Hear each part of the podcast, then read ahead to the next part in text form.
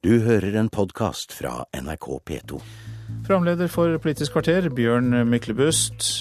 LO har, gjennom, hva, har, gått gjennom hva de borgerlige partiene har stemt på Stortinget de siste åtte åra. Åtte års dokumentasjon på at en blå regjering vil bety et tøffere arbeidsliv, mener LO. Ren skremselspropaganda, svarer Høyre. Hvem har rett?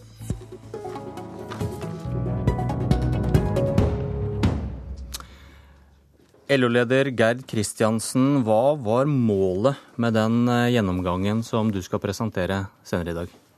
Nei, Målet er jo å se på hva slags arbeidsliv ville vi hatt dersom vi hadde hatt ei borgerlig regjering i den perioden vi har vært inne i.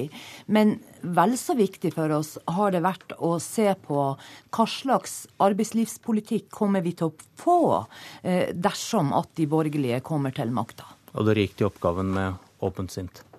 Ja, det har vi gjort. Hva har dere funnet? Nei, Vi har funnet at uh, i veldig mange viktige spørsmål for, for, vanlige arbeidstakere, så har jo de borgerlige partiene uh, stemt imot uh, det som er lagt fram av lovforslag og Dokument 8-forslag. De som handler om tiltak som kan gjøre hverdagen bedre for vanlige arbeidstakere. Torbjørn Røe Isaksen, du sitter i arbeids- og sosialkomiteen for Høyre og har vel deltatt i mange av voteringene LO nå har sittet og analysert. og Hva syns du om eh, den jobben de har gjort? Nei, nå har ikke jeg fått lese Jeg fikk et tjukt dokument i går. Jeg har lest gjennom litt av det, og, og, gjennomgangen er jo i og for seg helt grei. Så det er vel bruken av den som er problemet. Eh, og jeg må jo bare konstatere at, er, at LO er jo de er jo i valgkampmodus, eh, og det er helt greit. Men det betyr også at de velger med vilje å overfokusere på ting der Høyre og LO er uenige. Og så underkommuniserer de saker hvor vi er enige, eller saker hvor Høyre faktisk har justert kursen sin litt. Nettopp fordi vi har snakket med arbeidstakerorganisasjonene. Ikke bare LO, men YS og Unio og flere andre. For så var dette her første året hvor et enstemmig Høyre-landsmøte vedtok at vi skulle beholde skattefradraget for fagforeningskontingent. Ikke ett positivt ord fra den største arbeidstakerorganisasjonen i Norge. Og det syns jeg i, i, i, hvert fall er litt pussig, da. Har dere tatt med sånn. det i denne gjennomgangen, Kristiansen, det Røe Isaksen nevner her? Ja, Det har jo ikke vært avstemninger rundt det på Stortinget, så det, den ligger jo ikke i gjennomgangen. Men uh, vi syns det er positivt, selvfølgelig syns vi det, at Eh, at Høyre ikke vil fjerne skattefradraget for fagforeningskontingent. Men arbeidstakerne ute trenger mye, mye mer enn bare dette skattefradraget. Det er mange elementer i Høyre sin politikk som gjør hverdagen tøff for arbeidstakere, eh, sett opp imot et eh, skattefradrag på en par tusenlapper. Men, men, jeg lurer litt på hva du mener som skal gjøre arbeidsdagen så tøff for norske arbeidstakere. Bare, det, bare først understreke da, at hvis du spør norske arbeidstakere målingen for et par uker siden, så viser det seg at de er jo ikke redd for dette her. De tror ikke at Høyre vil verken frata folk rettigheter eller såkalt da rasere norsk arbeidsliv. Og det tror jeg er fordi at de ser at Høyre har en ansvarlig arbeidslivspolitikk. Vi foreslår noen oppmykninger, men ikke noen sånn radikal endring av alle grunnleggende spillereglene i arbeidslivet. Vi skal ha trygt arbeidsliv, vi skal ha et organisert arbeidsliv, vi skal ha faste ansettelser som hovedregel. Men det kan ikke være sånn at enhver oppmykning av dagens regelverk er en rasering av eh, Eller presenteres av LO som en rasering av arbeidsdagen til folk. Ja, Hva er det dere har funnet i denne gjennomgangen som motbeviser det Røe Isaksen nettopp sa? Her ligger jo veldig mange elementer som motbeviser akkurat det. Blant, blant annet uh, permitteringsregler, innsynsretten for tillitsvalgte i forhold til sosial dumping osv. osv. Men det jeg har lyst til å si til Røe Isaksen, det er at hadde det vært bare Høyre som skulle sitte i regjering, så er det ikke sikkert at vi hadde vært like redd. For i mange sammenhenger så, eh, så kjører Høyre en forsvarlig arbeidslivspolitikk. Men dette var nye toner, var det ikke det? Dere skal i regjering med Fremskrittspartiet. Og hva slags hva slags arbeidslivspolitikk har de? Dere skal sette dere ned og forhandle i forhold til å gå inn i, i eh, regjering. Og det skremmer meg mye, mye mer enn Høyre sin arbeidslivspolitikk Men i seg det du sitter og sier nå, er at Høyres arbeidslivspolitikk, den, den kan LO leve med? Ikke helt og fullt. Det kan vi ikke. Blant annet, blant annet politikken opp imot sosial dumping er vi langt ifra fornøyd med. Og akkurat det samme uh, i forhold til arbeidsmiljølovens bestemmelser, som de var i ferd med å innføre sist de gikk ut av regjering. Men det er vel og bra dersom Høyre har moderert seg i arbeidslivspolitikken sin. Det setter vi veldig stor pris på. Men ja, det, ja, det, jeg er veldig fint at, at LO-lederen sier også. Det var bra å høre. Og så er det selvfølgelig ting vi er uenige om, og det er ikke noe problem å diskutere. Men siden Fremskrittspartiet ikke er her, så har jeg lyst til å si at i arbeids- og sosialkomiteen på Stortinget, hvor, hvor, premissene for arbeidspolitikken legges, og hvor alle partiene sitter, så har jo Kristelig Folkeparti, Fremskrittspartiet og Høyre i forbindelse med en melding som heter Arbeidslivsmeldingen, skrevet seg sammen i veldig mange saker. Så det vil si at det er en viss enighet i opposisjonspartiene. Og da er det enighet om nettopp de tingene jeg sa, at vi skal ha et velorganisert arbeidsliv, beholde arbeidsmiljøloven, men med noen oppmykninger. Og det er de oppmykningene som jeg mener er viktige, men jeg mener at det blir feil å fremstille dem som en slags sånn omkalfatring av alt som er riktig i norsk arbeidsliv. Men Kristiansen, det du nå sier om, om at du ikke ser så mørkt på Høyres arbeidslivspolitikk, burde dere ikke da hatt en annen taktikk med å snakke opp Høyre, som tross alt kanskje blir det førende partiet på, på borgerlig side, da, istedenfor å slå dem i hodet, som mange oppfattet at dere gjør, med den gjennomgangen dere nå kommer med i dag? Altså Det vi gjør med den gjennomgangen, det er jo å synliggjøre realitetene i Stortinget i den perioden vi har vært inne i. Og jeg har jo ingen tro på at Høyre kommer til totalt å forandre politikken sin den dagen de kommer i posisjon. Jeg tror jo heller den kommer til å bli stramma inn, i og med det at de skal sitte sammen med andre partier i, i, i regjering. Men stoler, stoler, du på det programmet som Høyre nettopp har eh, vedtatt, hvor de bl.a. sier at de ikke skal røre syklene. Nei, jeg stoler ikke helt på det. Og det handler om at de skal sitte i posisjon sammen med et parti som er mye, mye mer arbeids, uh, arbeidstakerfiendtlig enn det Høyre noen gang kommer til å bli, nemlig Fremskrittspartiet. Men jeg reagerer litt på vegne av Fremskrittspartiet når du sier at de er arbeidstakerfiendtlige. For da, som sagt, så har Høyre og Kristelig Folkeparti og Fremskrittspartiet skrevet seg sammen om store deler av arbeidslivspolitikken på Stortinget. Og vi er enige om noen oppmykninger, men vi er også enige om noen grunnleggende regler som vi har i dag. Organisert arbeidsliv, trygge rammer, ikke fritt fram for overtid eller pålegg. Ikke minst også at du skal ha betaling for overtid, som jeg hørte Gerd Kristiansen nevnte på Dagsrevyen i går. Det skal vi selvfølgelig fortsatt ha. Og det er både KrF, Høyre og Frp enige om.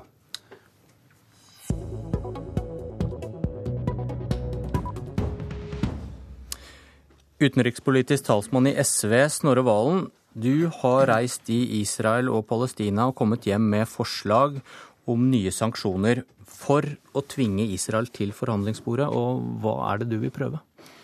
Først og fremst så vil jeg si at det er mye verre på Vestbredden nå enn sist jeg var i Palestina og Israel, for fire år siden. Israel tar stadig mer land. Jeg besøkte en mann som heter Abu Nahar og familien hans. De har mista huset sitt for femte gang nå. Jeg var der noen dager etter huset ble revet. De hadde ingenting igjen. Og det er hverdagen for tusenvis av palestinere. Og Det er noe av problemet med situasjonen nå. Begge parter sier de vil forhandle, men slik ståa er nå, så er det for palestinerne litt som å forhandle om en pizza mens motparten spiser den opp. For snart er grunnlaget for en tostatsløsning borte. Og Derfor mener jeg vi trenger sanksjoner og harde virkemidler for å presse fram forhandlinger. Og Da har jeg mer troa på veldig målretta sanksjoner enn en sånn generell boikottilnærming. Jeg mener at vi bør ramme de som tjener på at Palestina er okkupert. Og da er det jo ikke bare israelere som gjør det. Det er store multinasjonale selskaper som Veolia, som driver med transport og renovasjon. Det er G4S, sikkerhetsselskapet, som vi også har her i, i Norge. De bør også rammes. Og da vil det nok være lettere å få, få gjennomslag for en slik linje også. Hvordan gjør man det helt konkret? Tre ting jeg ser for meg. Det ene er at Utenriksdepartementet bør utstede et råd, et formelt råd til norsk næringsliv om å ikke handle med selskaper eller personer som er involvert i okkupasjonen av Vestbredden og blokaden av Gaza. og tjene penger på det, så bør vi merke alle varer som er laga på stjålet palestinsk land, i bosetningene. Nå bor det en halv million israelere ulovlig i Palestina. Eh, det har EU også vedtatt at de skal gjøre, og de har venta litt med innføring av det nå mens de venter på fredsinitiativet fra, fra USA. Uh, og Det gjør også israelske aktivister i dag, som er enige med oss. De merker også bosetningsvarer. Så syns jeg også vi bør vurdere å slutte å handle med israelske statsobligasjoner. For det er klart at når du tar opp mye utenlandsgjeld, slik som bl.a. Israel gjør, så gjør du det fordi du må finansiere noe. Og i dette tilfellet er det å finansiere okkupasjonen, for den er også veldig kostbar for Israel. Hans Olav Syversen, parlamentarisk leder i Kristelig Folkeparti. Mhm. Hva syns du om forslagene? Ja, mens eh, da EUs utenriksministre diskuterer hva vi gjør med den meget alvorlige krisen i Syria, hvor vi kanskje nå har nærmere 100 000 som er drept, og hva vi skal gjøre der med mulige kjemiske våpen, så er det jo ganske typisk at uh, da er tiden for SV å komme nok et boikottutspill uh, mot uh, Israel. Det syns jeg sier ganske mye om hva fokus er. Dette er jo en gjennomgangsmelodi fra SV, og de driver også med dobbelt bokholderi.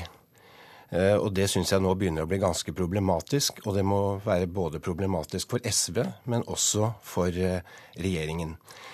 Vi husker godt at SV ønsket en generell boikott i begynnelsen av deres regjeringsperiode. Det måtte de gå tilbake på. Hva gjorde SV selv like etterpå? Da var det Kristin Halvorsen som finansminister som begynte å kjøpe israelske aksjer gjennom pensjonsfondet. Altså det er noe med hva man sier og hva man gjør. Og så kommer nå Snorre Valen på vegne av SV og sier at vi ikke bør kjøpe israelske statsobligasjoner. Det er altså den samme regjeringen som for fire måneder siden begynte å kjøpe statsobligasjoner fra Israel. Så dette er et dobbelt bokholderi, og jeg syns det begynner å bli uverdig, rett og slett. Ja, jeg skjønner at Syversen ikke har lyst til å snakke om det saken dreier seg om, og det er okkupasjonen av Palestina. og Det er hyggelig at han vil snakke om SV, men det er ikke det saken handler om her. Poenget er at det er Det er vel SVs forslag? Er det, det er et bredt initiativ i mange land, eh, som bl.a. Norsk Folkehjelp har stilt seg i spissen for i Norge, som går på helt målretta treffe de delene av den israelske økonomien som driver en folkerettsstridig okkupasjon. Eh, og Istedenfor å drive polemikk, så bør jo Syversen og KrF stille seg sjøl spørsmålet vil vi at våre penger skal være med å finansiere folkerettsbrudd. Eh, det har KrF problemer med å svare på. Det er fordi KrF nå har lagt seg Det er lenge siden Bondevik, for å si det sånn. KrF har nå lagt seg på en linje i Midtøsten-politikken hvor de i praksis ikke bare er til høyre for USAs regjering, men også Israels. Eh, for i Israels regjering er det i minste en minister som sier at du er villig til å forhandle, mens altså, Kristelig Folkeparti er, lar hensynet til noen få konservative velgere gå foran respekt for folkeretten. Eh, tidligere i morges kunne vi høre på, på radio her på NRK fortellinga om tre studenter fra en bibelskole som ikke slapp inn i Israel, som satt i forvaring i tre dager og ble sendt hjem.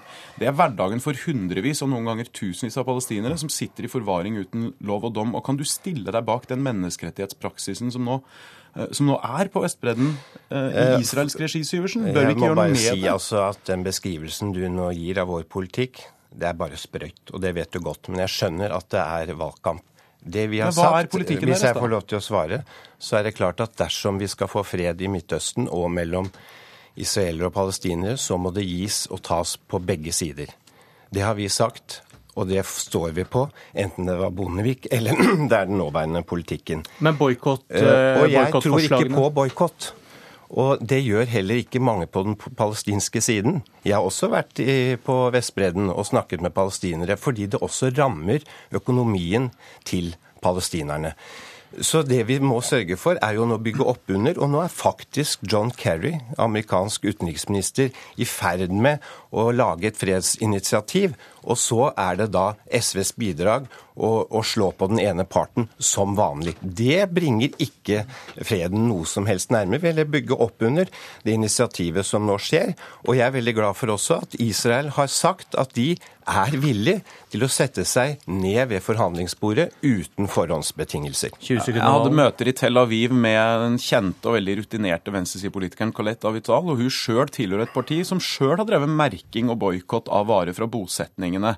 Det er mange i Israel som er enig i dette. Det å argumentere mot økonomiske sanksjoner fordi det vil ramme arbeidsplassene til palestinere, er som å forsvare barnearbeid fordi alternativet til barn er fattigdom. Det er folkerettsbrudd og okkupasjon som ligger i bånn, som er problemet her. Eh, og ikke at palestinerne ikke får seg arbeid. Men det er altså SV som nå har begynt å kjøpe israelske statsobligasjoner, og det vil okay. man egentlig ikke svare for, og det sier veldig mye. Tiden er ute, Politisk kvarter er slutt, og jeg heter Bjørn Myklebust. Du har hørt en podkast fra NRK P2.